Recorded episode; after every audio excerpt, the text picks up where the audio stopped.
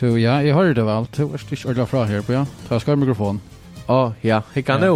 Jeg ble forstyrret av Jonna Jack akkurat fra Boje, så jeg tenkte mikrofonen som han blir å bruke. Men uh, velkommen til uh, NFL-podcast. Uh, og vi får at Jøkken Genga Viko Seidjan. Og så hittar vi fram til Viko Achan, Og Ja, för att höra till och sen så han är här vi är här i NFL podcast. Ja, jag må, må bjuda väl välkommen och gott nytt år. Ja, gott nytt år till dött.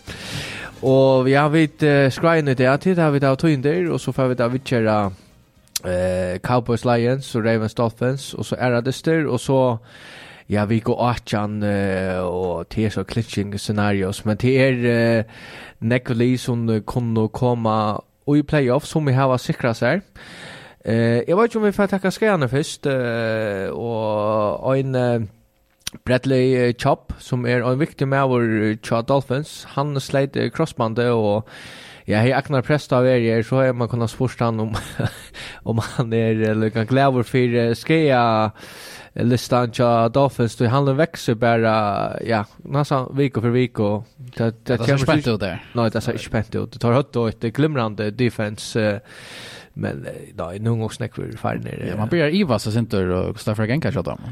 I playoff. I playoff kommer då så men Ja, är hej Dolphins defense av fantasy nu i var finalen i och fantasy lika och och till jag nu. Och tar gå mer inte näck där man ser. Det var jag ser akkurat som det var ett rave. Eh så är Xavier Howard och Jalen Waddle tar Iva samman. Eh och ja, det kanske som Waddle och ja, kanske vara han faktiskt vill finna så slä. Men han har inte haft lika gott år, han det inte som han är. Han gör inte Waddle dansen så ofta. Nej, det, det kan man inte gärna göra. Eller pigvin dansen. Han ofta finns folk på strål men inte, inte nu sörst. Og en uh, viktig medvår for Jax, Trevor Lawrence, han er Iva Samor, men uh, Doug Peterson har vi gjort sagt han er day-to-day, så ta det pleier å si day-to-day, så pleier det alltid å få åker på Instantlandet, og så kører det helt alt, ja? Ja, det er bruk for noen alltid nå. Det er spalt her, spalt her, vi, vi under, eller åt, åttan han, det var han selv, bedre, eller sånn, det var vunnet så, men det var Møte Panthers. Ja, og det er stort vi Panthers, det er at tar er jo bare eh också vanligt där. Eh och ta goa till ta för för bears eh tar få första sidan nästa år. Eh Panthers eh första runt där väl Cha Panthers fair till Chicago. Eh och tills då att eh Bears är så vanliga i år tar jag faktiskt haft ett eh funnast slä och i mån kan man det ganska vanta.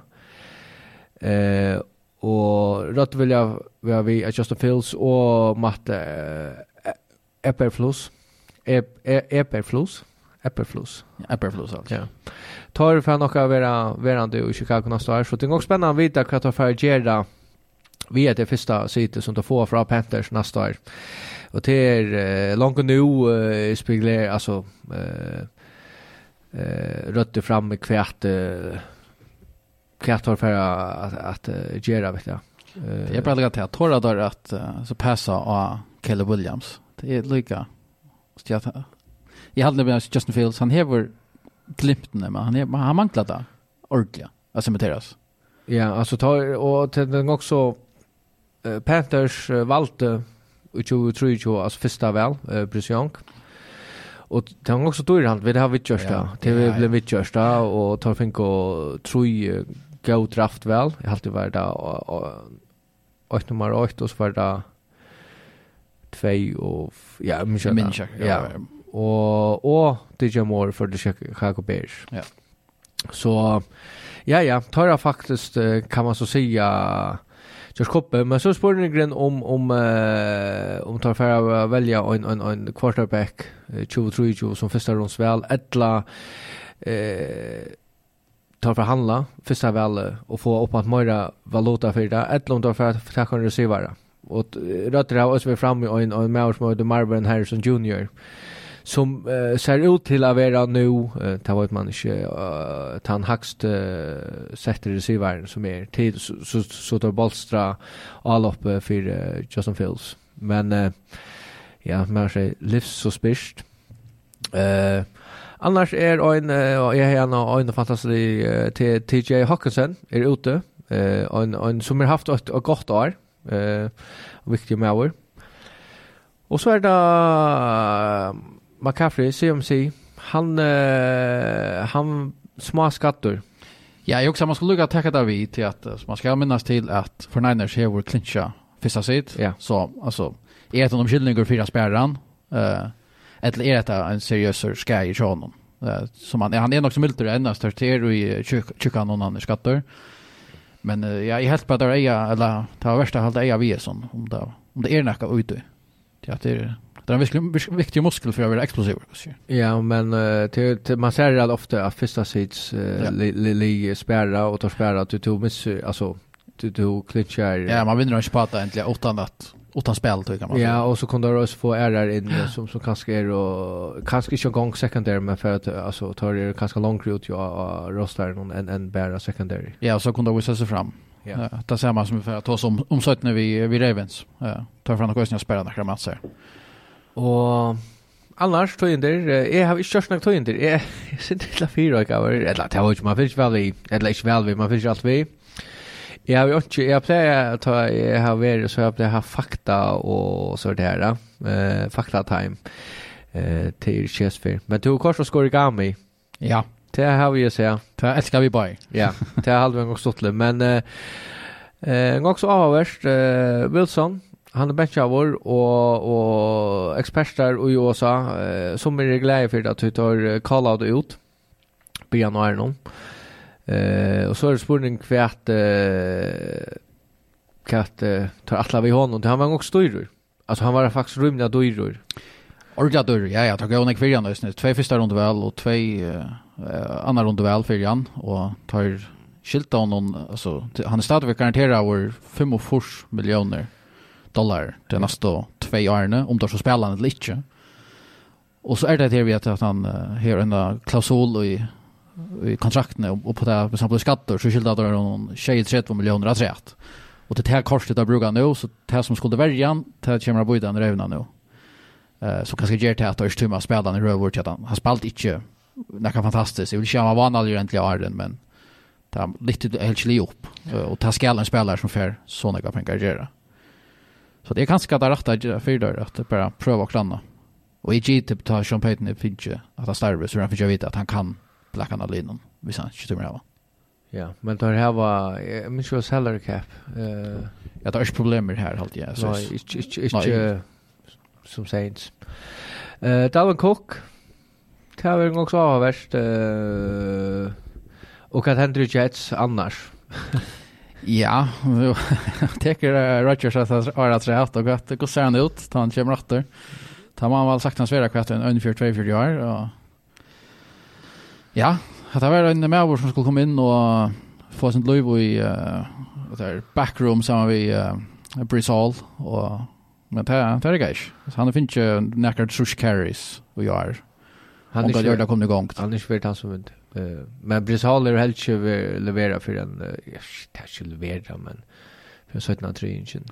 Ja, men det er også så Jets är Jets är Jets i år efter alltså som jag känner därför det sista en 20 år eller så tar ikke veldig gøyver, og quarterbacken er veldig lentgjør, og det gjør det at det er verre for atler, så mens, atler så få, få noen bortstyr bare running backs og, og receiver.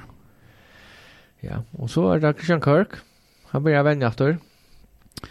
Jeg talte med å si at det var godt for, for uh, Jacksonville. Tar Arne ble skatter, så heter uh, vunnet tjej av 8 distan, Arne til. Ja. Och tar bara motor för Niners att att tapp då. Och så blir han skattor i Disney mot Bengals där tappar han och där tappar där nästa trutcha Disney och så vinner där Luka nu så Disney mot mot Panthers 6-0. Så där har jag bruk för honom åter till att er tar här en distrikter och det är vinna eller det kan vara vinna och försvinn. Alltså antingen vinna där distance så här och vinna divisionen eller tappa där distance och är möjlig ut i playoff. Ja. Han vill nog inte åter till hända distance men han vill viktig i playoff. Så skor gav mig 1044. Jag halte till jag kom någon, jag vet inte, 32. Ja, kanske 32, 20 skor gav i år. Är det sån ägg? Ja. Jag kom faktiskt rätt långt skor gav mig i år. Jag vill ha sagt en 3-4, det är ju så ofta utan att hitta fram. Eh, och så är det, uh, ja, uh, Tjoli är de kommer att ha en möjlighet att komma playoffs. Och att uh, det är så spännande att det är sådana glis som, som har möjligheten till, uh, till känt ofta. Nej. Man måste lycka läsa den texten tvärför ta en av insiders kommer vi någon men uh, det är alltså Chuli kunde komma i playoff uh, eller är det kommit eller kunde komma nu ta ett omfär efter och det är bara ena för sjuan två fors och nu John två fors och en fjärde sjuan att det är hänt just nu. Eh så att man säger att det är också speciellt och, och två fors ta kom ta var det så två Chuli som en hött möjliga och det är att det är kvar kvar så där kan kalla kan kalla man det ens kon eh ta så här utskiftaren nu spalt och ta några spelare ja, lockout. Ja, så ta ett lockout alla spelare nu som man hämtar i men faktiskt innan götten nästan att spela. Så det är ganska så att man kör hickar ett rekord från tack rekorden korna som blir sett där. Men vi kan gott här kan ta att han har en annan eller ja jag vet inte Ty att det det kan gå och låta komma jack någon av sig en NFC men ta tackar vi målet då. Annars så Eh, så er det ja. Eh, det var spørsmålet om hva er er besta li i NFL, og jeg vil sagt det at eh, røtter er framme hva er MVP, eh, Brock Purdy var eh, en, en, en kandidat, men han han jinxer sig själv han, uh, av årlige. Eh, men eh, man kan säga att här i lötna så är Ravens bästa li i NFL. Det är alltid absolut att tar er då. Vi kan jo. Det er Aksel Viakon. Ja. Og... Oh. Hello. Vi jøkken ganga noen ting som vi tar, ja, som Viko Seichan har lært dere om. Ravens er best i NFL, det har vi kanskje stafest. Eh, tar bara, alltså, eh, orsaka eh, aknar, som lort der. Men tar göra av Dolphins. Alltså, här var inte livan chanser av Dolphins kommer att oss dess. Eh, Chiefs vinner av seg om Astor. Eh, men eh, tar, eh, ja, tar ikke lykke i bevisende og i år som de har hatt Vere, og det er kanskje tjata til Arnar. Han er til Arbos, eller gonger også ser. Kjør funn ting. Uh, Og så er det här, Jaguar, då har faktisk vunnet i vik, Det var, var faktisk framme och i, ta i, jeg vet ikke om du det rett sånn, men eh, tar vinna. uh, og det er å si at uh, vi er noen uh, CJ Beathard. Eh, och vi att uh, vinna nästa vecka, Achan, så kon tar uh, komma i playoff.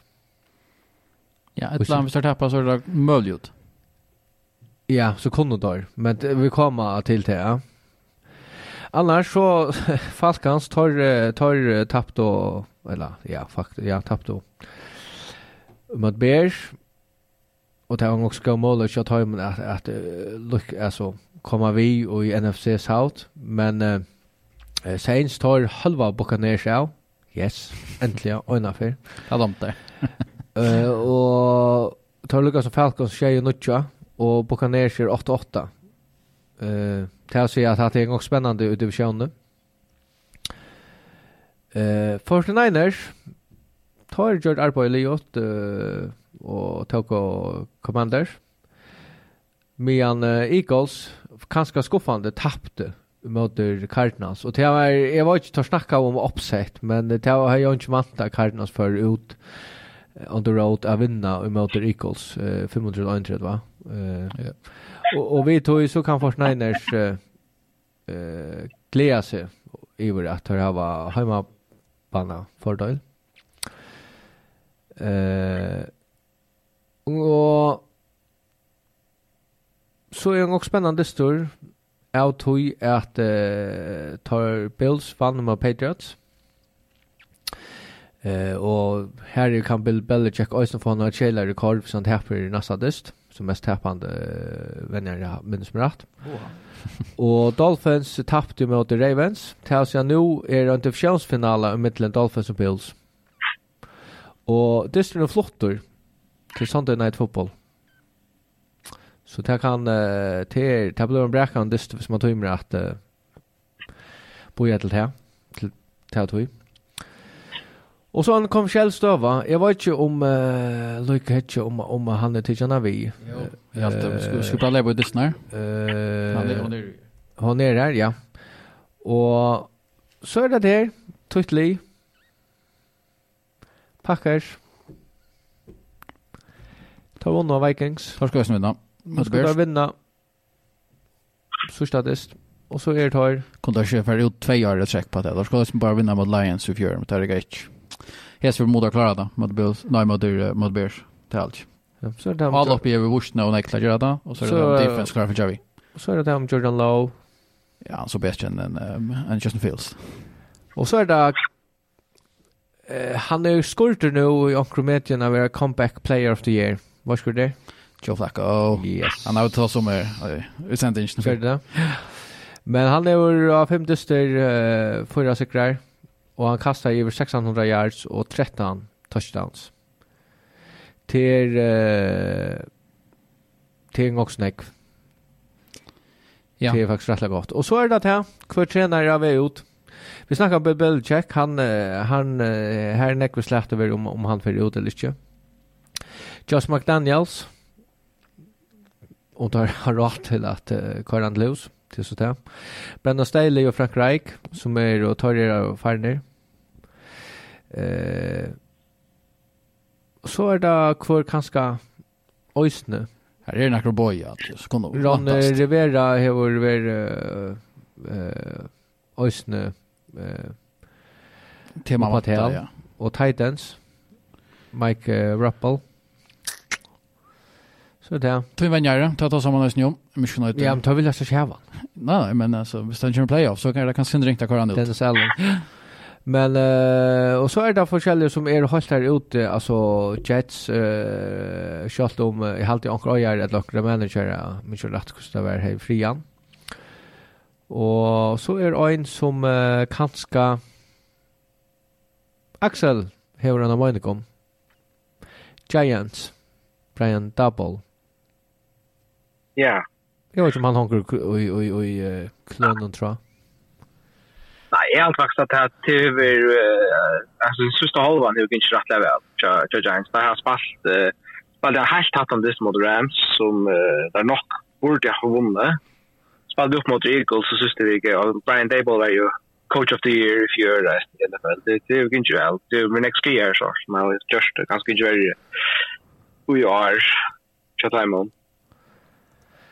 Ja, men uh, och så är det att han Tja Falcons. Jag tror jag då som Tja Bills ganska att Sean, Sean McDermott kom där när vi haft risk och fäbla kort. Det själva spelet tappa. Ja. Det är också spännande tror jag att det är vi kommer till det men man, man snackar om spänningsnivå och det är som vi det var inne att det är Lee som kunde kvalificera sig men Ankras Lino som inte för att komma till enda spelet här för vänjer och att uh, hänka och i nekv tror jag. Men jag kan rätta så här via komma och göra Men ja. vi kommer till det. Men uh, ja, ska vi få snacka om dyster. Och här är uh, uh, jag vet inte om en uh, Ska vi ta en av trätten? Klarar vi Ja, vi får göra en av få på er. Så börjar vi att snacka om det här. Uh, men uh, gott nytt då, Axel.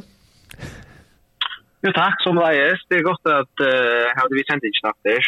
Ja, man har väl haft ura Gerrit och Sempmanla och upp till det vi i Muskon. Men eh, uh, som man säger, nu är det. Agnar, är det? Nämligen.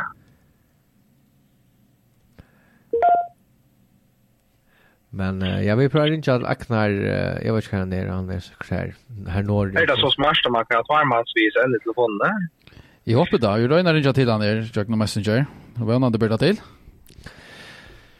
Uh, men uh, jeg vet ikke, skal vi begynne på at her, uh, eller, den første dysten er akkurat Dolphins, og jeg husker bare at det er godt å finne Aknar Vi, hvis han, uh, hvis han fyrir at uh, teknikkeren er fyrir å spille vi. Men uh, vi kan også begynne innleitningen, og så er Ravens, tar uh, Ja, jeg börjar jeg sier Jan, men tar halva av faktisk Dolphin, sier jeg. Nå kjallt rusk nøy. Og tar jeg da faktisk funnet Slad Dolphins til uh, 30 minutter er av andre kvarter. Så tar jeg stående første han, tror jeg. Uh, og så skårer Ravens tve touchdown når han løg, og åtte Jeg börjar vi, tre kvarter, og står av ner, er, boom, 513. Og som sagt, tar Benka Dolphins, og defense til Dolphins er, ja, tar ikke, eh ja, tar er ikke det egen, skal jeg sette så løs.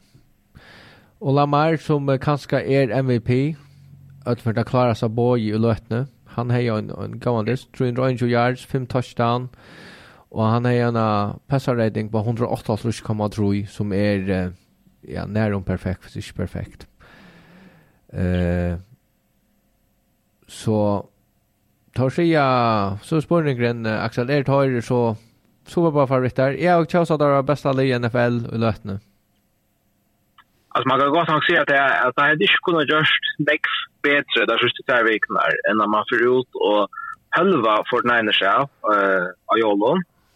Och så att alltså på hända maten halva Dolphins av att alltså där man spelar om om nummer 1 i AFC. Så Eh, det har sett öle gott ut fra Dolphins nu i flera distrikt. Men er det av bøylet Grundal, ja? Alltså nej det det det är det inte och alltså man kan säga så att förstå att det Ravens räknas ut toppnivå så klarar absolut ingen att stäcka dem. Det har det så fräck va. Ehm och tar er storer så på så på för det i AFC. Jag vill hellre vill ha en Luton Tire och för Niners som Men nu är det Um, det enaste som ligger efter. det er, hvis man har synder flashback til 2020, kan hendte da Ravens senast dominerer AFC og vår nummer 1 side. Det eneste som ligger etter meg, det er mangler Sudja Lamar dominerer i playoffs. Men jeg halde at her har vært virkelig, virkelig stepp opp her på. Og tar, tar spela som det beste de gjerne for arbeid. Det gjør det i den grad. Og hva gjør det at Fort Niners er bare bedre enn Adler? i løtene? Eller hva helt? Altså, det man kan säga ganska jöknen är från en enda liv, ganska, att uh, och så jävla nekvi av stöttenspelaren där här var all upp någon lite andra. Uh, och att uh, Brock Purdy har ju spalt som en alltså, top 5 quarterback i NFL i år. Eh, Jerry Rice där, man, alltså, det är inte att säga att det är att Ravens är inte bättre för den här shot om där. Hoppas att bänkar där, men man kan säga hans linje kommer så inte mötas efter för en är potentiellt kunde mötas till Super Bowl så här kan man säga tar här har vi inte haft några distri här i mitten hvis vi ska kämpa så längt. Um, men det det har nog tecknats upp till nu vi har så tvär nog så grejer favoriter. Um, ehm Gusser alltså president Ravens så så hevel Lamar nok nu eisen så just alltså att han får MVP serien det till ett samt om eh Alltså han är så rädd. ja. Ja. Och så. Jag har sagt att alltså senast den du gjorde då helt helt extra där Brock Purdy. Ehm Sean det kostar det man kastar för interception shot och det ganska bra points och i background alltså mot Ravens men Tyler Marchmer och spel så tar bäst i distribution och mot det på topplinjen. Så så här han vi måste vara akkurat klara faktiskt och tro att du har Brock Purdy och han kommer vid när MVP blir det är det alltid att att det är samt om då. Aspen och Espen köp köp bokvägar nu att till bil då i Ja, vad ska det nummer Så det är otroligt som 6 år gammal Jag kunde ha varit fire MVPs. Det är inte nekvir, det är faktiskt yngst i NFL närkande som kommer ha gjort det. Vad ska det nummer 2? Så så bokmakaren eller eller det som är och han är läckt att han för han sörska eh jag Lamar Jackson är ganska Ja, kanske. Tack. Ja, McCaffrey säger då, ja, men det är alltid McCaffrey, eller är det Dak Prescott? Så det är två och tre. Ja, det är Jag har stadig att Purdy är en väldigt dyr. Alltså, så är Han är gott kunna, jag har han är inte längt att han för Lamar i mina över. Jag har han blev väl synter harskt kritiserad över det här mot Ravens, men det är som en omnir, en omnir söva. Aknar, er du vi, Jakob? Yes. Det kan du. Hej Aknar. Holk och holk och holk. Jo, jag har gått nytt där. Jo, vi snackar om Ravens och Dolphins. Ja. Och vi har bara snackat om Ravens. Nu kommer vi bara säga att du helt om Dolphins. Ja, ehm kanske inte värre så. Syns det så där liksom inte så att det Dolphins och jag har rakt i fjärde så det kommer upp att de har så lite om att de inte klarar att han spelar i allt där. Han spelar alltid så väl. Att han skorter och Nick alltså jag hade faktiskt att Three drives jag har skills att jag vill alltså starka kill bara det går ju flyr med loft där och att jag satt en pure red on through here och skora touchdown i allt så kan man det känns bra för så att den där jävla så så det har inte alla lyft men men jag alltid att passa varje en isklar att täcka där är så allt nu över och och då på Samsung stack ordet upp så så är det bra till eh alltså större bollar in och man ser det som tar jag bara för sig att jag skriver som det är var att och då är få få det generikt så så blir man det står att det är det man förstår det sakna Walter och Walter och för så är Howard brukar defense som ramlar öst direkt så så blir det sånt tungt men men jag ska bli att förstå månader eh mot att det är bra en serie månader ja. för Ravens på så är det. Eh, kan man uh, säga att eh, uh, skrealisten till Dolphins uh, eh, ger så att vi står inte bättre? Ja, absolut. Alltså, jag tycker att uh, Sean det är att linjen i alla fall på från andra. Eh, han kommer säkert ut att göra. Eh, men det är ganska farligt som är rätt lika här som Dolphins nu att det kommer till alltså likla spelare, viktiga spelare och för att ska göra upp så linje. som jag nämnde så uh, mm, alltså, då manglar ju två playmaker att jag tar men han och, och han historiskt kanske syns att vi är här att, att Jag tar det har större lyssning att att akka klarar det att den var som den andra som eller utlåt mot den eller över väl och åtta så det var som sagt men men det hade varit kvar mer än ni som som har haft så gå offensiv nummer den här och Och vi ska skanna när vi playoff så nu ska vi spela om om AFC eh, Krona. Eh, så något när när man något något där för kom eh och och Tavis 8 och säkert på fyra. Tavers 0 att Chopin och Chopin på Buffalo som ser ut att jag kommer nästa gång. Sen spelar jag med Agnar. Alltså, man har huggt efter oddslinjen i Bills. Uh, på någon slags om att det är det. Ja. Han öppnar vi Bills minus 3 och alltså utövare som ju visst är man helt att Bills är ett neck bedrely en, en Dolphins faktiskt är. Ja. Så det man ska också hemmabanan hanterar ju eisen eh, nu förstår och oddslinjen. Så bookmakern säger att, att Bills är ett målande basically back nu en, en Dolphins är. Alltså helt om det och eisen hur så viktigt är det distri en månad av blå nummer 2 och blå nummer 6 tar man för playoffs. Ja, jag kan inte som du eh så tänker jag sätta på det så det är ju att det hade som man inte med han tar det ju nästan. Så ja, allt vi är så ser man vi snackar om man är tror man inte för det första sidan, tar för det så där. Så är det nästa sidan i AFC som kan ska spela någon kända sidan, ja, så i Astana för Max och Sherry Lille så och om man får hemma vad kan ja. Så det här ska spela en hemma det smälter tror som eh Bluver att AFC South League alltså Bluer alla helst då Colts Texans eller Jaguars kan man bara det är mest sannolika. Man kan hemma till sina tajmen. Det är alltid det kan man sig ända vid blå stilar som kan ända in och kända sig någon. Sista skövor. Det är inte klar mål målare. Men det går för att hemma till sina här i playoff. Men mot att skulle ut utvart Pascal Dawson snart vissa tävlarna det skulle inte spela vad mot det. Det blev väl Buffalo eller eller Kansas City ja. Ehm Eller Browns. Nej, Browns kanske inte jag.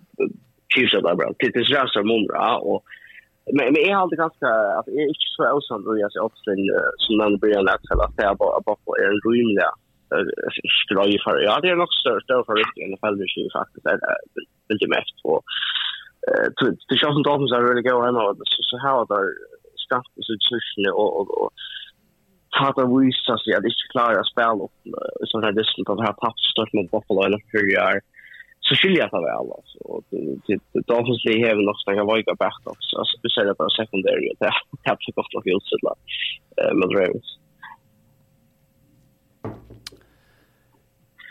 Ja. Jag sagt det som det är att det Bills har helt inte imponerat de sista två veckorna alltså man satt till this mot Cowboys och Chiefs eh är det mot Patriots och Chargers har faktiskt vi går så så som en player men uh, där där svinkar jag sen som det är så så alltså där där kan gott med upp och och att dominera dominerande men himmen så där där är alltså att det start haft alltså one score games gott mot där där så man kanske inte förvänta en blowout det är väl först för att jag tror jag vill så men men det är bara för att säga att i momentum är inte så stor månader jag tror det ganska följs så där nu så jag där så har haft allt där här en dist iron här mot Cowboys som som är rätt år. Eh ja, ja, akkurat. Och men och det är ju vända där för till så själva mig så hade jag en rush så att så tjå. eh Josh Allen he hade helt shit han där alltså man sa ju att han har flottat Cowboys inte hur han som som spalt sig väl så alltså i hans hade inte han är uppe att att vi var i spanska världen skulle ha en chans att göra som är en deep run i playoff, alltså den norska Super Bowl. Så, så han ska lösa tjacka upp en sån list, hvis Buffalo skulle göra det som man, alltså Stefan Dix Dixon och Sauer, alltså öliga lite sista veckorna. Så, så hvis Dolphins ska ska välja sätta Jalen Ramsey och han och, och, och först kan det ju bli en öliga tatt dyster, men, men det kräver att Dolphins offensiva spelar, alltså en högsta nivå i, en där kört i, ja, det som det är med en person i Baltimore. Ja, men uh, Jag vet inte om vi ska ha vidare utan vi har hvis vi ska tacka kost kommer totally i enda spelet vi tar för det är apostelspel som vi nacka. Men Cowboys Lions har uh, jag blev valt ut för att ta oss om, och det är en diskus med där tjono inte. Uh, och det är två lag som uh, ja, det är renner för Lundon i NFC. Uh, det hänt inte det står åttan uh, Dak Black Eye Og en kast til City Lamp. Uh, og til klarer han så å få å touchdown på sju. Og skulle ikke inn for en 17 halvleik. Arlene blir skåret sin Moira. Uh, Cowboys lägger sig 8, 16, 13 och i mitt och i fjärde kvartar. Vi eh, en touchdown från ja, till Dak, från Dak till uh, Cooks. Uh, Lions fær balten tvärförna åt han skora och han visste med övrigt jag så inne var inte glävor. Eh men uh, Cowboys ökade till 2013 vi uh, ja 8:45 efter cirka klockan. Och så skora att höjre Lions att uh, ja vet Och kött drive kanske och här skora touchdown vi 20 sekunder efter och så färdigt två mål. Och så är det här. Til nu distrum blir spennant. Til nu distrum blir faktisk. Ja. Kan jeg slippe Jack Enga va? Takk er så godt. Jack nu gang til det att att annars hej han selv vært ute och förklara domaren också är distan. Men jeg tenker også av det. Ja. Det som henter? det er til at Lions kører et trick play. Uh, Lions har i Jöknen Distin haft en ekstra linjemann inne og tight end positionen. Uh, eh ta ta renna bara have us on run heavy formation. So på the two point conversion nu renna knappt. Jag trutcher offensive linje men i vill domaren.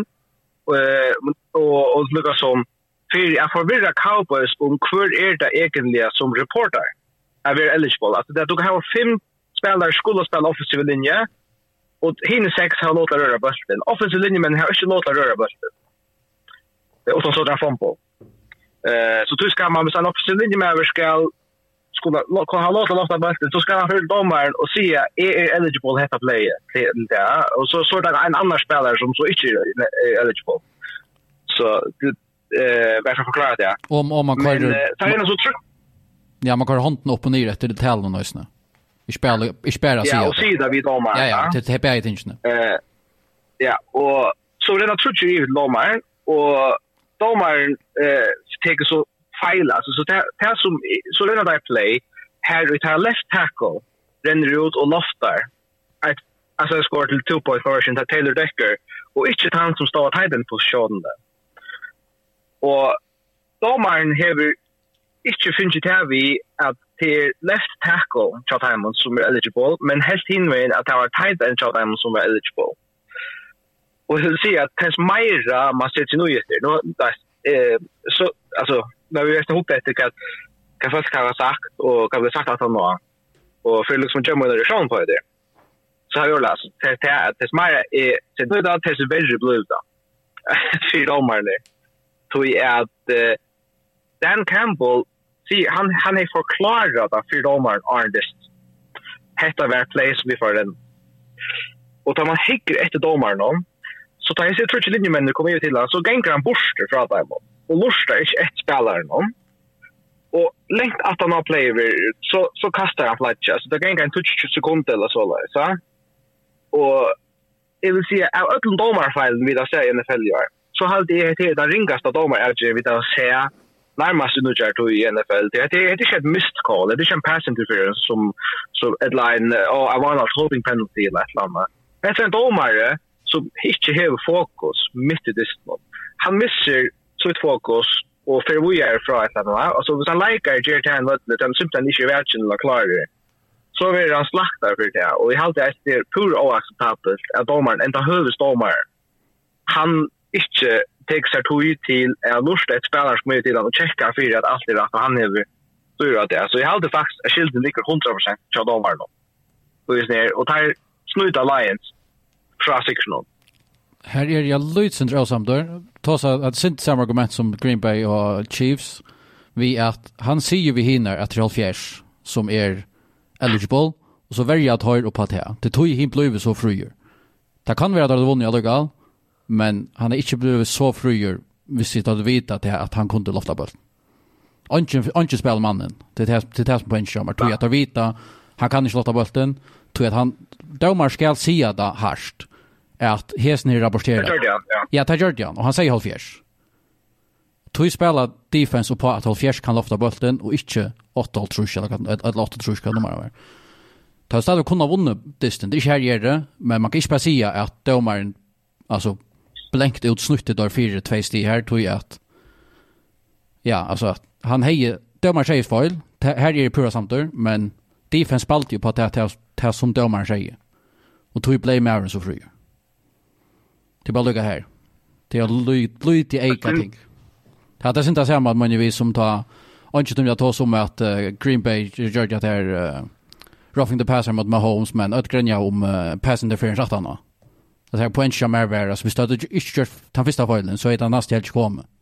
Sinta samma här. Men det kan man säga, alltså det är att vi har lärt till det. Det är ju garanti att det är rika lugga väl. Att han annonsat att ututtar line up. Alltså så det är också sagt i new playen om att det är annonsat. Så Lions är lunch nu kan skala tydligt justera ett det. Ja, alltså är pura samt jag är pura samt. Men det här där tärka player väck från dem. Det här som är i fel om det så hej Det andra urslit att de har. Så det kan man efter diskutera, ja. Ja, alltså är pura samt att jag dömer Jordan Foil. Alltså det är kärlek. Det är mer det att Man kan bara säga att att Lions tappade disten och på teatoi att att defense värjer på att stömar sig Victor. Så det var störbusen. Men så I think det diskuterar det som hände att då. Så färdar ju fem yards efter.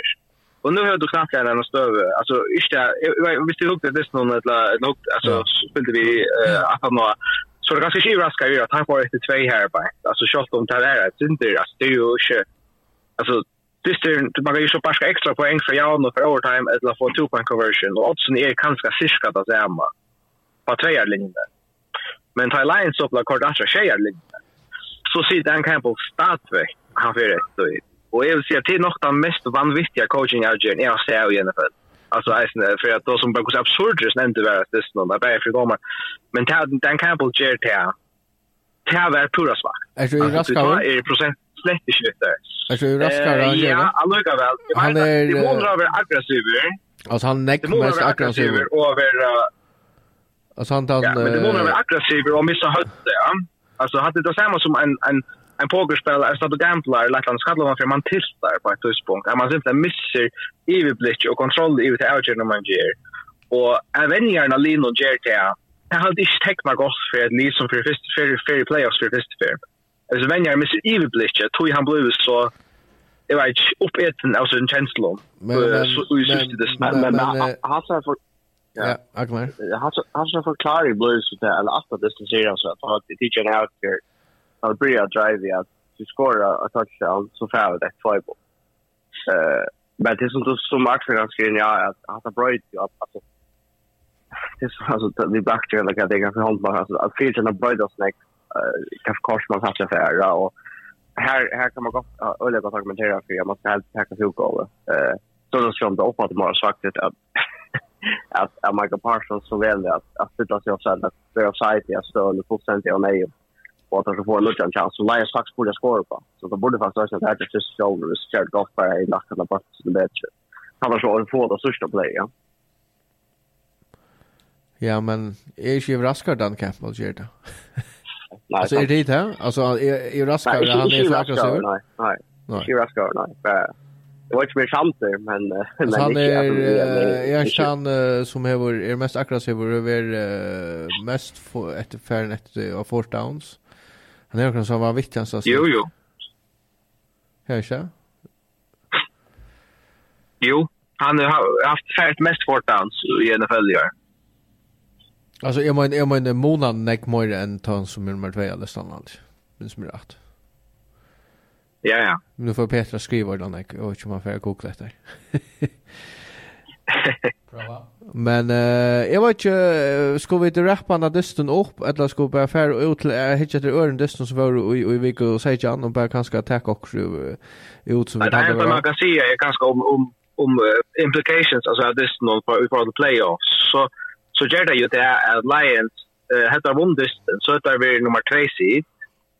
Uh, så, altså, hvis de vinner mot uh, uh, Corner da Packers, at nei, uh, Vikings nu i vikskiftet, så der finnes tvei sid. Uh, nu kommer det sannolikt enda tre sid, utan så bare Cowboys og Eagles tappa.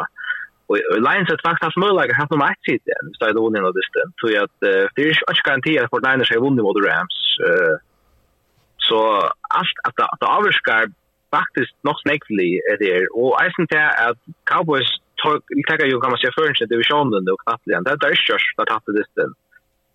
Så jag ser att det är månader av nummer 2 och nummer 3 tror jag att till så vi stäber in kommer vi är först runt så det är nummer 2 sitt som är hemmabana knappt igen. Jag ser att det kan vara månader i mitten när man spelar ute på mot Cowboys eller hemmabana mot Eagles dömes. Ja, jag har aldrig känt alltså bara- alltså jag har aldrig känt um, jag kan på spel så har man ju en men men City Lamb alltså man måste väl nämna så för sig alltså han har ju krävt i 200 yards och och ett touchdown och alltså kanske man pratar kanske inte nämna om han och just diskussion om top receiver eller tror jag alltså. Justin Jefferson har varit ut i yard, Lemus Tyre Killer har haft eh, extrema yards, men men jag har alltid drömt om att City är annars alltså kontinuerligt kanske jag grappingar att jag över kan bäst se va. Eh och och är ju alltså klart det viktigaste vapnet som som kan på sig så ligger så så så kommer man inte play så så ska han inte han ska ha en vidare spår för han ska ha större list så ska det ha en en chans att höra som var. Ja. Men ska vi hitta efter och dysten. Jag hade några annan dyst och i Vikos Heijan som du vill jag liksom som uh, eh tacka fram om. Eh, hvis vi går tacka eh, Browns Jets så vill bara säga att att eh att det är jag på det av, av Browns faktiskt och Joe Flacco. Alltså jag tror inte han är det rusar i behöver. Och alltså där vinner ju Shades at 20 mot Jets. Så säger det 13 touchdowns på, på fem lister. Det är imponerande. Eh, faktisk er slengt med å si at Browns kunde ikke uppsätt mot Ødslund i AFC. Så nu är ju det tycker jag Browns for å vinne det distra play av tror jag. Men Browns kunde gott arka topplinje i AFC. Så Det har så gått över veri åt där. Ett av bästa quarterback-spel det har haft i uh, tror jag jag lägger Browns eller så. Så jag ska ja. Ja. blev det Browns. Det är faktiskt väldigt farligt. Vis vis Joe Flacco bara helt nökel om det. Och man ska ju minnas till, nu är det just om det är putchar så gärna nu, eller ett gör så gärna. Så hej han ju att I always play for on så är eisen sin dus kom bort ur omkom ta vi vi revet. Så, så han är före för att have a play for hon, men det ska ske att han kan göra det som också att jag är gammal, men det kommer ärga liv i AFC. Men tar här var också stort lite här play for hon med Heavy Ravens, så de vinner Super Bowl till ta. I minns det var det. Jag det var ju utskrivet, alltså, is Joe Flacco lite, alltså, det här spårningen som har arm playoffs, där han bara, så här är playoffs, han är fullständigt jävla viktig alltså spela fight för något som aldrig att lyssna. Och och det som är så farligt för en lin till att han spelar gratis. Han spelar pura gratis kan man säga. alltså alltså han först alltså riktigt är inte bara vad kan man säga så ser det på höjkan alltså eh han är långt på präklat att han kan spela en en öl eller hur stig eh och och och och men jag aldrig ösnar på att Wisher som Browns kör på nu alltså att Kevin Stefanski alltså skall vara allvarliga eh kons alltså i i pullen ett Lars Lenner att att att ta spela dem så sen det ska de med the Jets men det är alltså det är så åtta har missar quarterback som satt näck på Nick Chopper starta ut och tar så åtta av Mark Cooper ända visst och är startar alltså tar är få av de stinches av alla kvar som de gör att har som vunnit ja Ramos är utvald för det är alltså det alltså det vill säga alltså det är är så som vi också att något sex och talar för att Browns kamp hvis vi brukar det fältet på plats så kommer det vinna vinna allt från playoffs och och rulla upp här det något. Så det här ska vara ju. Ja, lek anna til det Peter det är ett dåligt Packers som Ja, vi tar så syndrom där ja, det har vi. Och här det ja. Ja, nu har vi det inte släppt. Jo, så Packers og Axel ikke snackar sånn like Giants där. Nej, det är syndrom upp och ner tror Packers, men i är alltid Jordan Love han har vurst Han är och han har visst att han är Maverick för Green Bay och ser till nästa år Eh långt första året så han kastar för more yards och för fler touchdown än näkar quarterback jag bears näkar du just i 104. Sen har slått. Jag ser så touchdown och Jag ser så mycket klockor vet du. Nej då. Nej tvärtom man bara prickar det bears. Men det är inte mer om bears det ser ju. Jo jo. Jo jo men alltså att det man man ser man luknar en oljan vi första året Rodgers och det och han är spalt bättre än alltså statsen John är bättre än Rodgers som nu är att han säger han det så det är ju gott benchmark alltså han är inte bättre stats att han har det där. Ja. Eh två två två fler touchdown, två min interception och minst inte om yards ner mer det lite ta ta vad jag kan säga. Ehm han kunde vursta synte mer beförst någon eh men alltså som man ösn hävt här aspekt i spelet och kan bruka det. Men uh, Packers där defensive bara för vanligt alert men tar hon nog starta komma playoff. Ja, och vi færa, ska vi tacka AFC? Alltså Ravens är sikra i Första sidan. Hvis vi kan ta ta ein dist fyrst Iron, så det dist med Cardinals og Eagles. Eh og ja. Altså Eagles kollaps. Ja, hurra, det var det jo. Altså eh, han nevnte fyrreisende, men det virker som en av verjan til Eagles, hon er pura hotless. At han klarer ikke å stekke nøkron alltså där klarar släcka stäcka Kyle Murray. Och där var ju isen vi har kollapsat just vi mot Giants. Alltså vi eh först det vit och så Tyler Taylor inne eh ta Ayolo ma så det är det är inte alltså en ny spike nu som ser ut att ha potential i playoffs. Ta ta det så så ett lut och så är Jalen Hurts nivå isen det är isen Dallas inte det största stisten Det ser skott ut. Nej, men det här som en gång så har vi färra vi tackar ganska Eagles och så av en och nej. Ravens är tredje i första sidan i AFC. Och det är akkurat samma eh kan händer i så sjunde åttan till att ta konsenta Arva fotjen där ut ur enda spelen. Det är en coolare ut. Så spårning kostnader för spärrar. Man har ju jag kommer till Chiefs men tar för att spela Nick för sixt Mahomes fair av att se ut uh, Tandisen Dolphins Agnar tar uh, förra AFC East lite som nummer 2 sitt mm. men uh, tar skulle vinna Bills vi tar skulle vara säkra i Bavon. Tog ju tappade så kunde Nej, de missar inte playoffs. Nej, de missar inte playoffs, men tar eh tappa där så får där och gasar en bär av wildcard och så ska det ha fäder från ha hemma det för hemma det till ute det eller on the road eh allt det enda spel och tänk också till stor förmåner här vara eh som man säger här var hemma bana cheers ja. Allt ser är så dolphins är där så kan de för förmåner här i mål. Eh det där skulle nog rätt att spela först för just det var för Kvar halda tid eh Avs Nepal Dolphins och Bills. Är är det farliga li alltså kvar halda tid att hinner in Ravens och Chiefs hoppa vinner eller eller inte vinner kan man säga. Alltså jag tror det är alltså Ja, jag tycker att jag tycker att det är sin bänk där för Mother Bills faktiskt. Tror jag att uh, Sälja kanske ska sticka ut i tappen Bills så är det att jag kan dra över Dolphins och och Buffalo kanske hävdar där att de kunde skruva upp i, i en playoff så det som ska till Buffalo i kanske inte så mycket Ravens kan man känna men men Chiefs kan faktiskt ändå i Buffalo och spela en playoff det sista ändå och har skallt så vi sa det galet ja det är viktigt för Kansas så så jag tycker jag har inte gång att Björn säger andra budskapen att att Buffalo. Kan ju ha alla eh men så där kan tan tiebreaker men men det tycker alltså det är kanske det då så skatter som det att han tänker skriva som det här var och, och att startar inte har så så ut att kunna sätta det hundra procent samman eh, med att ta en topplig i orka. Så tog, tog tycker vi att, att de flesta linjer vill möta eh, Dolphins alltid. Eh, det här det var så att handlar och kanske bär om att kunna få stäcka allt och lukfensen och så att jag finner mig att bränna till secondary på det är inte så trots att Jerry är en stöd. Men, men därför kan, kan vända under en natt och förklara att jag vinner någon nu. Så, så, så stannar det knappt en läckligt så. Ja, kan man säga. Ja, och så där är ju Chapeus är det att alltså, vi tar täpa det. Alltså Dolphins är vi och så Eh, men Chapeus, vi tar täpa så så är färda möjligtvis helt ut i playoff. Alltså, hvis, här skulle ha antingen Steelers eller Jaguars att täpa så ut. Alltså, eh, så där hänger jag till ju som sagt Steelers där spelar nog mot Ramsley som är rocknade i Chema Kuda sin startar och Jaguars spelar en måste win this mot Titans.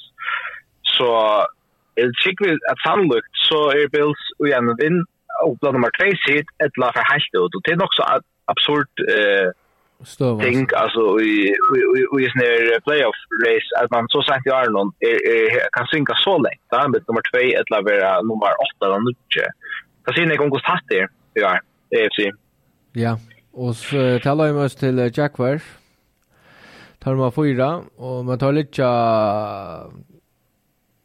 av liv i Texans og Calls, men her var den interna tiebreakeren. Det så hvis vi tar vinna i Titans uh, nå ute, så vinner då Øystein AFC South og få heimadist og yeah. første dist mot Cleveland Browns. Uh, og Cleveland Browns tar, yeah. tar bare sikra i, altså det er til flunkan og gamitja, altså tar bliva 15 sida av seg. Og Bills har vi inne Calls. Eh, tar litt av en Dalton uh, første plass av seg, og er jo bare kjent sida jeg liker, og jeg, eh, ja. Ta kunde vi en sikre i Texans uh, nu. eh, sikre seg av wildcard-plass, og kanskje vinne av seg South hvis Jaguars taper. Tar spille hjemme mot Texans. Texans tar jo nødt til Eh, tar uh, lite av Dalton Plus av sig South, vinna där mot Colts. Så det playoffs. Tar kan också vinna av sig South vissa Jaguars tappar mot Titans. Och så är det, så det var rätt spännande distrikt. Ja, alltså här är det näck för spännande distrikt. Colts Texans distrikt är en playoff distrikt. Alltså här är vinnaren är inne och tapparen är ute. Ja. Uh, så det är, ja, och så är det antingen som ja, wildcard eller som divisionsvinnare. Og så er det uh, The Dark Horse med Steelers. Tar uh, Dreimeren lever, men tar skulle vinna, og tar ikke avgjøre selv, men tar skulle vinna Ravens sundag. Men så skulle uh, Ante Jackfors eller Bills tappa. Så kan han ta i playoff. Ja. Og hatt av er Hatt av er, altså... Her er en prediction for, for AFC. Mm. Oh. Nej. Jag har aldrig redan haft. Jag har aldrig gått stått lite. Jag vann ett uh, vinna. Eh, mot, mot the Bills. Det här tycker vi att göra. Jag tänkte säga att du bitch det här. Jag huxar, jag huxar. Det här var alltid där jag började arvi, att jag var inte sån. Jag får köpa ut av binding till olika. Jag är frustrerad av att jag Nej, alltså jag jag hade jag Bills kanske jag lös inte even med det eh vet nu eh och jag tycker det är att ehm ja, it's at att vi får en en vanlig av dist fra for Bills och at, att Dolphins tar kommer att få at det heter en under en en allt lunch så sier. alltså så jeg säger att att title det nej det är och kan kan kanske spela för det och Det gör Bills Sean the Ice men Bills har lever ju sen här nu vi i fyra veckor och på ett land tidspunkt så så så må hata kollapsa komma också.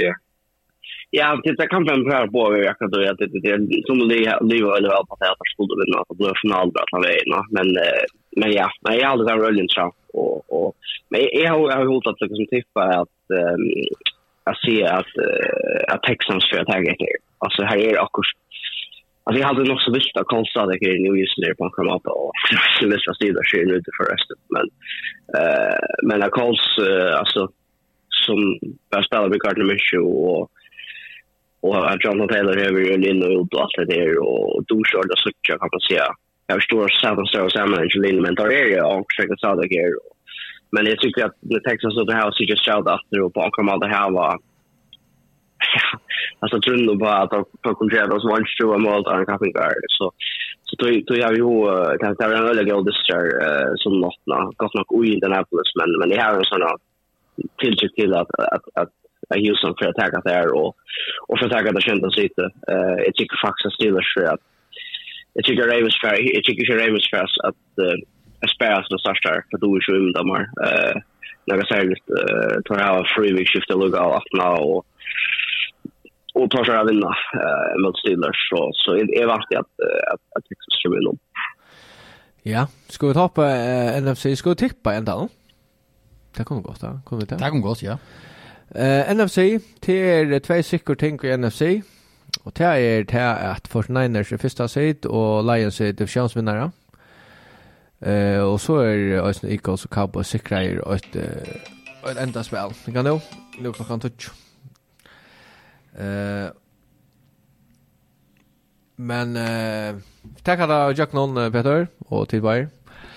Eh för Niners tar jag vunnit NFC West och är det första sitt i NFC. Eh tar så jag tar er då säkra hemmabana, alla med Jack playoff och uh, sitta i vår första rund. Eh Dallas Cowboys tar er då säkra er ända spel med Jack Knaplia och second seed. NFC Og hvis vi vinner nästa dist med Commanders ute så får jag två hemmadist. Det är så simpelt som det är. Ja. Ja.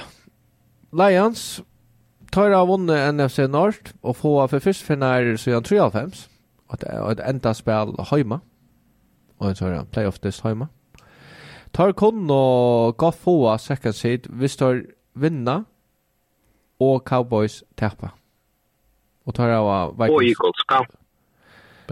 Ja. Cowboys og Eagles skulle ta på berget vi. Og tar av Vikings ute. Nå har ju man orsaka. Det borde vara klar.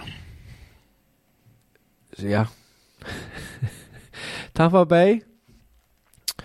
Eh, uh, och här är NFC South här och öle pervettlingar. Buccaneers eh, tar er, er 8-8 og kunne vi göra något, altså hvis de vinner Panthers ute så säkrar de sig av Sjona och så säkrar så plass i enda spelaren og få hemma det stå första runt då enda spelaren eh, og tar spela Panthers ute Eagles. Tar er 11-5 og tar vi og second seed men nu får de nere wildcard plus tar er sikra kom enda spall, men tar kun vinna NFC East hvis, hvis Cowboys tappar eller Commanders. Så tar tar. Men tar kun bara vi at hvis Cowboys tappar. Og Rams tar er og eh tar er och kommer att tror jag tror kunde man eh, sagt tar säkert så här playoff plus. Og litt av nummer 6 i NFC. Det er ikke alle vant at Darby, etter for at det var klinsjer playoff-plass, kjøtt om klinsjer, divisjonen. Det må jeg helt ærlig si. Ja. Green Bay Packers. Ta vi over 2 og 5. Og ta var en ekk hjermann hinman av Det der råkner vi. Men tar er og kommer... Jeg var ikke amerikast. Nej. Jag sa väl jag sa väl att love att stod jag spabba. Eh vi tar vinna i Bears. Så är det att han skickar men tar kunde faktiskt rinna täppa och för gör. Vi ser också täpper. Men vi ska vinna och Rams täpper så blir faktiskt Packers saxa, uh, satta sitt NFC. Seahawks tar uh, er 8-8 och eh tar kunde inte jag det själv. Men vi så vinna. Och Samsung så packar täpper. Så. Så ser gott ut jag då. Vikings Det er cirka på 8-4, og det skulle... Uh, her skal nekv. Uh, men tar skulle sjå han det vinna Alliance som stadigvæk har vår uh, second seed å spille for det. Samtidig som man Seahawks Hawks, Haynes, Packers, alt skulle tappa. Etla, Falcons og Buccaneers øysen tappa. Saints er 8-8, uh, og så er spørningen om jeg er glad om det kan være eller ikke. Det er også nærmere om om vi ser med over for å sitte vi uh, råre. Men det kunne ikke avgjøre det selv, men det må ut for å vinne mot Falcons, og så kanskje Buccaneers taper til Panthers etla og så kommer det han også mora innvikla hvis Seahawks taper til Cardinals det, det, det er en sånn matematisk mulighet her. Og så Falcons uh, tar han helst avgjøre men skulle ha hjelp fra Panthers som skal vinne mot Saints og så skal Buccaneers tape mot Panthers. Og hente til så er faktisk Falcons divisjonsvinner og få fjøra sitt NFC Just vel. Så godt er tan division. Han också. Han också ja. Ja. Det är spännande. Det gör vi vikskift nu. Det har vi rätt sån all the way, ja. Ja. Ja, ja det är Ja, det kan bli rätt. Jag stitchen jag Packers mot Bears är ju snack a walkover. Alltså eh du är Bears spelar jävla väl back nu Justin Fields. Alltså och defense går ju. Just Justin Fields spell näka näka det bästa han nu Josh. Som last han spelar ju för jobb kan man säga. Alltså inte bara nödvändigtvis i Chicago men Eisner för jag visste att hinnon i NFL han kan spela. Eh vi Bears, att man säger dem i off season så så det är faktiskt en trouble district av Packers så det är inte helt osannolikt att han tappar och Seahawks så man ska vinna och för vi men men Eisner är det av Seahawks mot Cardinals är helt inte nämnt. Nej. Så Det kunde hända några vitsting. Alltså ja. Och det som skulle minnas till det hade vi säger så så skulle vi inte allt och några nog ska jag få flöjor just som som man inte eh kan se i ett allt någon och och det som man kan spela för eh kanske spela för är spela mot Kjellsvallen och Max som jag spelar som har också präkva alltså det det långt att spela spelar det spelar fullstort och och jag hittar sen då snäckt att att Cowboys skulle till Washington och Eagles skulle till New York och Charlton och Giants är 5 mot 12 och Commanders Commander 24 nej för Commanders Commander 24 och Giants är 5 mot och alltså det är inte kan det för att att det är ska göra eh de öl här det så tycker jag jag tycker det är alltså sikt på att runda vi ända vi är Eagles och Cowboys skulle steppa. Hvis vi hvis vi får tippa nu och så ska det också om Atlanta också jag spelar kvart det största uppsätt som är i 18 runt. Det kan personligen största uppsätt. Är du klar? Du kan också om hva, hva tid halda var största oppsett. Men uh, ja, uh, Steelers Ravens. Jag vet inte om vi byrja bare... Hej, hej är Steelers faktiskt favoritter tror jag, bookmaker, Vad jag säger. För det här är allt bookmaker vant av nok at Ravens för att sitta sin største. Ja. Mm. Ja, men, men men Rudolf är ju en han är ju en sån där gunslinger så på samma att han kunde få anchor så breakout plays typ. Ja. Men så det är du bara Shimon, är du Shimon i Baltimore. Bruk alltså kvilla vad som störst att spela att för någon för några veckor och och och tycker vi att att att komma helt ut desert och sånt där som slums Lamar Shower alltså Jenna Romanik och Så jag har också en Ravens spel för för att vinna det stund också. Ja, men så han det gör det men men alltså det kan ju vara som tar vi komma ner då till Chiefs alltså tar över ut sagt det att uh, han för att kvilla nekvar spelare.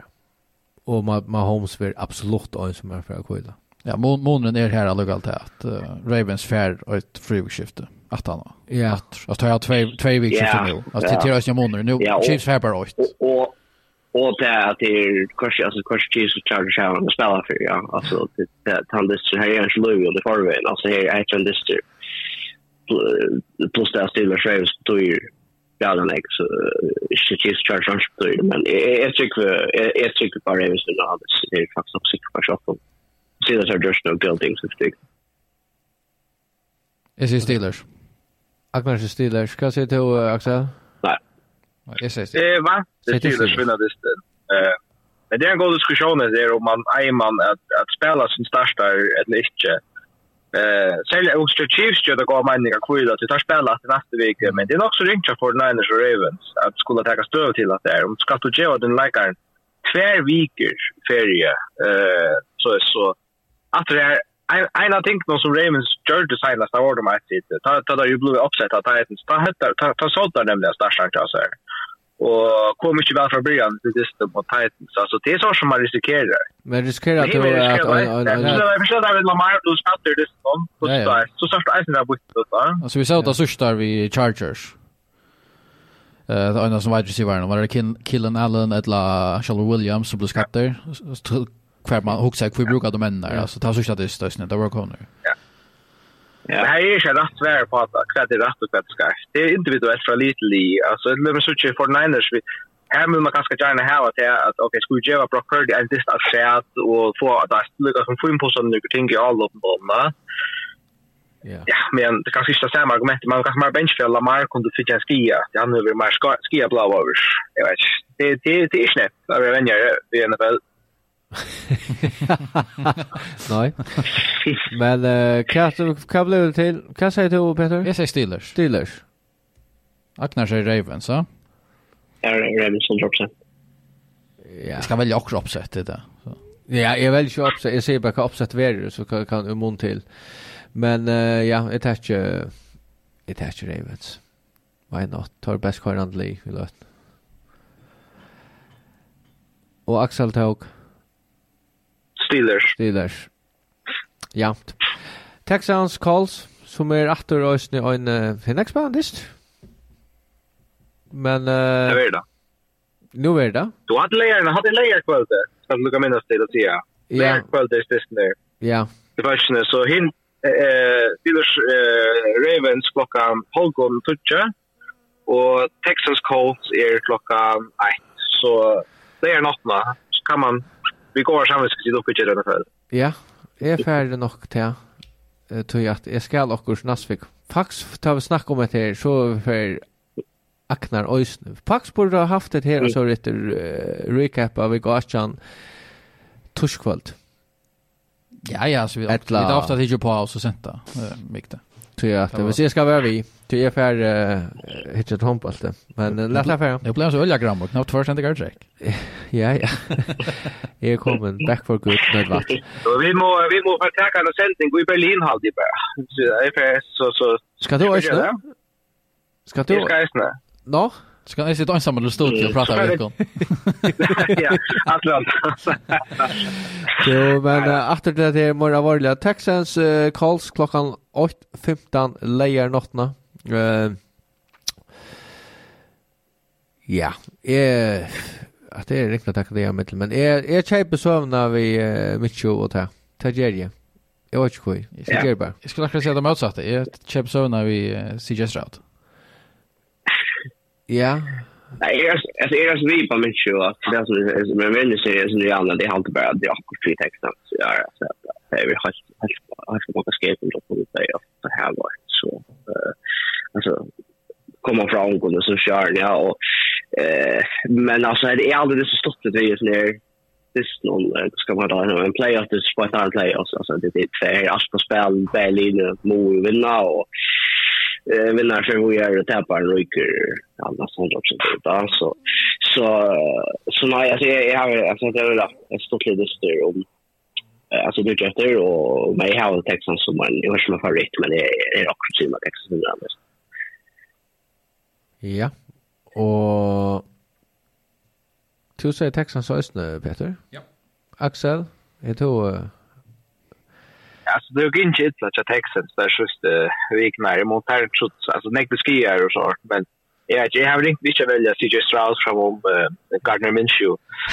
Eh men där var det hopp på när jag jag Colts vis Minshew ska lära där playoff. Så hooks Anthony Richardson, han helt ett bakom läkare vid Texans i den listan. Det är ju sånt. Så vad jag han vill kanske gemma last där men If I take a Texans, vi har testat det.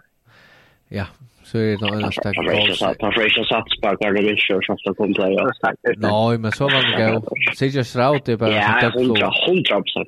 100%. Nej, det sitter Stroud det kast funkt ju. Eh, Buccaneers och Panthers. Jag vill sagt att det är Alltså om vi står vinner mot Panthers så är det så har de förtjänat att ja faktiskt så har de förtjänat att gå och göra. Det enkelt det där. Så jag Panthers är ju väldigt vanliga i år.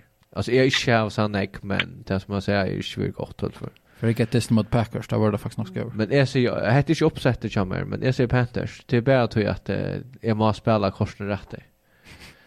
Okej. Ja, jag ser Buccaneers. Ja, jag har ju snackat till oss för allt till Saints. Så. Nej. Jag vet inte vad jag bara säga. Ja, Buccaneers must win. Ja. Ja, Buccaneers är aldrig för gott i shot i showen den bästa. Eh vi vi de offensive offensive play med den här alltså. Och Panthers defense är Shells defense och de matchar så stryker så så så box ja. Så spåren grill. Browns och Bengals. Hmm. Eh, vet eh, ikke om man slett å spille hendet i sted. Det var spurninger. Nei, jeg halte ikke. Jeg halte jeg lyser at han vil benchar. Eller, ikke benchar, at han vil uh, eh, sparter. Ja. Det halte jeg lyser. Så, så er det... Så får jeg välja Brown, Dink, attacka da, Chapenko. Han vill, där vill det. Ja, det det det det mot Brown. Ja, det är det alltid större men tycker jag alltså han är ju inte kan se alltså. eh Sir Bengals blev ett av så sådana med kappningar som blev fixa i totalt och kaskatorer och journalen och lite också upprört men det tog inte det har inte lite men, men jag tycker att Bengals har varit lite under bra season. Som får jag spara i för dem eh jag tycker Bengals kastar det Jag rock vi jeg kan ju för att Bengals kör etter positive rekord så jeg sier Bengals. ja, jag hade ju inte sett Bengals. Särskilt av största spelarna negativ defense. Så er det Vikings og Lions. Lions. Jeg tror det, ja. Du er også med Vikings her. Jeg har bare større spass vel, det er sørst Det måtte jeg, altså. Quarterback-spill er jo ikke veldig noe særlig, og... Nei, det var sånn. Mot Lions som, som nytta... Lions som nytta nekka større, tar klara pilka til Lions som du. Hva sier du? Tar hanga quarterback, tar hanga quarterback. Jeg rønte ikke, jeg rønte ikke, vi er sintefitte, Victor, det måtte jeg. Ja, men, men, det er jag också som också var liv i Kirkosten så just därför som han sa att det är ett rulliga gott liv men yeah. men er chans Lions Tigers där och och och och så spår jag om Lions för hjälp mot sitt internationella så jag tycker tar det kan vara att får tre tre sitt men men nej är ju om övervägen till den. Er det samt Lions? Axel? Ja, jeg må nok takke Lions det också ja. Och så kommer han också stortlig i stövet här till Bill Belichick. Till täpper han här distance så kommer han av två mån fronten av era jaunsetter vi mest har tappt mest dyster. Bäge vanligare dyster och playoff dyster. Alltså hvis du tältar vi. Och till mot Lino som han klarar sig bäst mot han vann de 15 och senast dyster mot Jets. Jag läste på att det för det. Han går stort lite. Jag hoppas jag Jazz vinner. Det är Patriots. Hart han mot uppsätt. Jag tror Patriots är vanliga. Jag tror Patriots vinner efter. Jag hade Zach Wilson spelar känd snällt där. Och han är trots allt har bästa på quarterback. Det menar man inte. Schultz Malch går.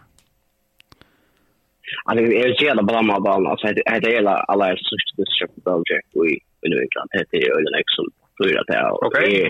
Ja, det är det va. Alltså det Ja, man har ju inte fyra i möter. Alltså man var ju ska man kan cykla. Ja, Ja, så jag tänkte jag så cykla. Jag ser att han vill. Jag så just det här jag hade han show vi. Det tycker jag att Robert Kraft för att köra fram. Nej. Eh Troblachen hade ju nog mer är att eh Belichick må bröta några ting shoulder. Alltså han kan inte ha kontroll av player personnel och och öllnör och alltså all upp och allt. Alltså han simpelthen är för länge Så han, han är stadigt en god vänjer.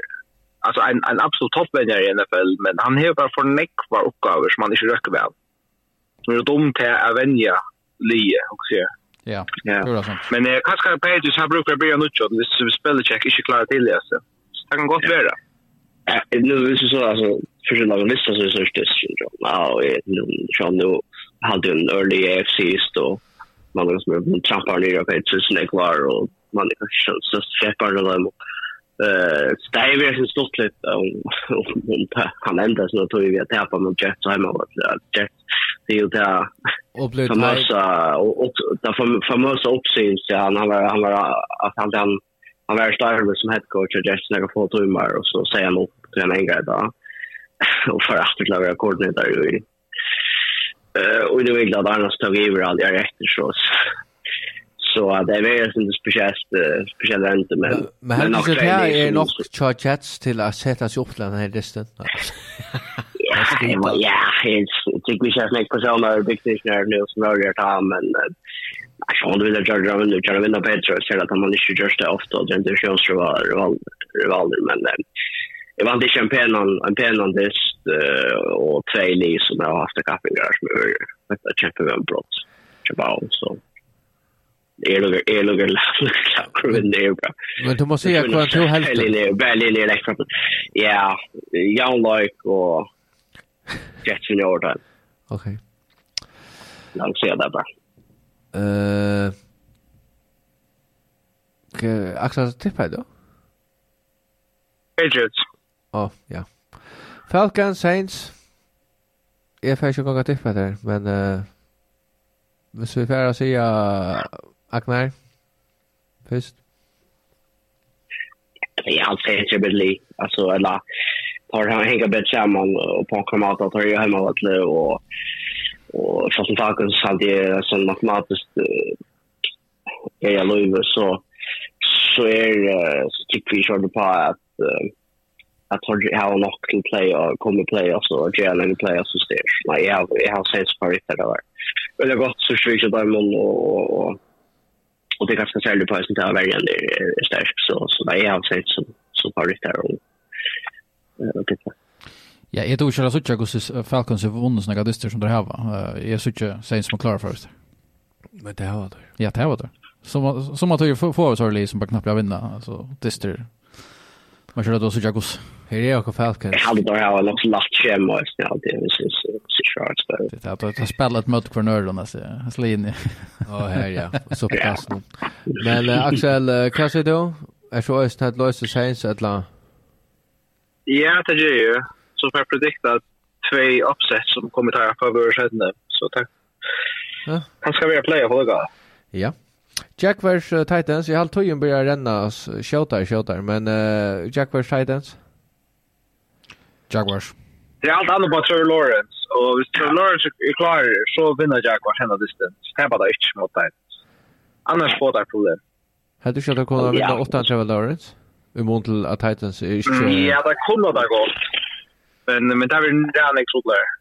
Så det er faktisk som Jack var kjent spalt i her, så kunne det kunne forsiktig noen scenarier til å vinne störst eller att det har tappat mindre snarare det under under Roger Charles eller så.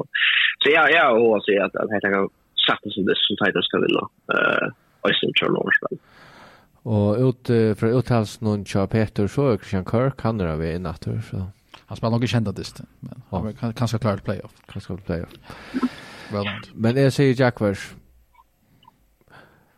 Seahawks och Cardinals. Ja, nu var det tack. Jag har hotat sig att Cardinals har att göra ett uppsätt där och vinner mot Seahawks och på yes! där upp. Det är pura santur. Och så är Cardinals spalt faktiskt en fynande sust. Ja, och Seahawks är inte spalt så där väl. Helt nu då just det snär. Så det är väl så tjata här. Det är ju i Arizona. Ja, det är väl att så till. Just Nu alltså Kyle Murray och Jimmy alltså ni. Det är ju hot Arizona så att inna Seahawks klass det är hit. Agna kanske då?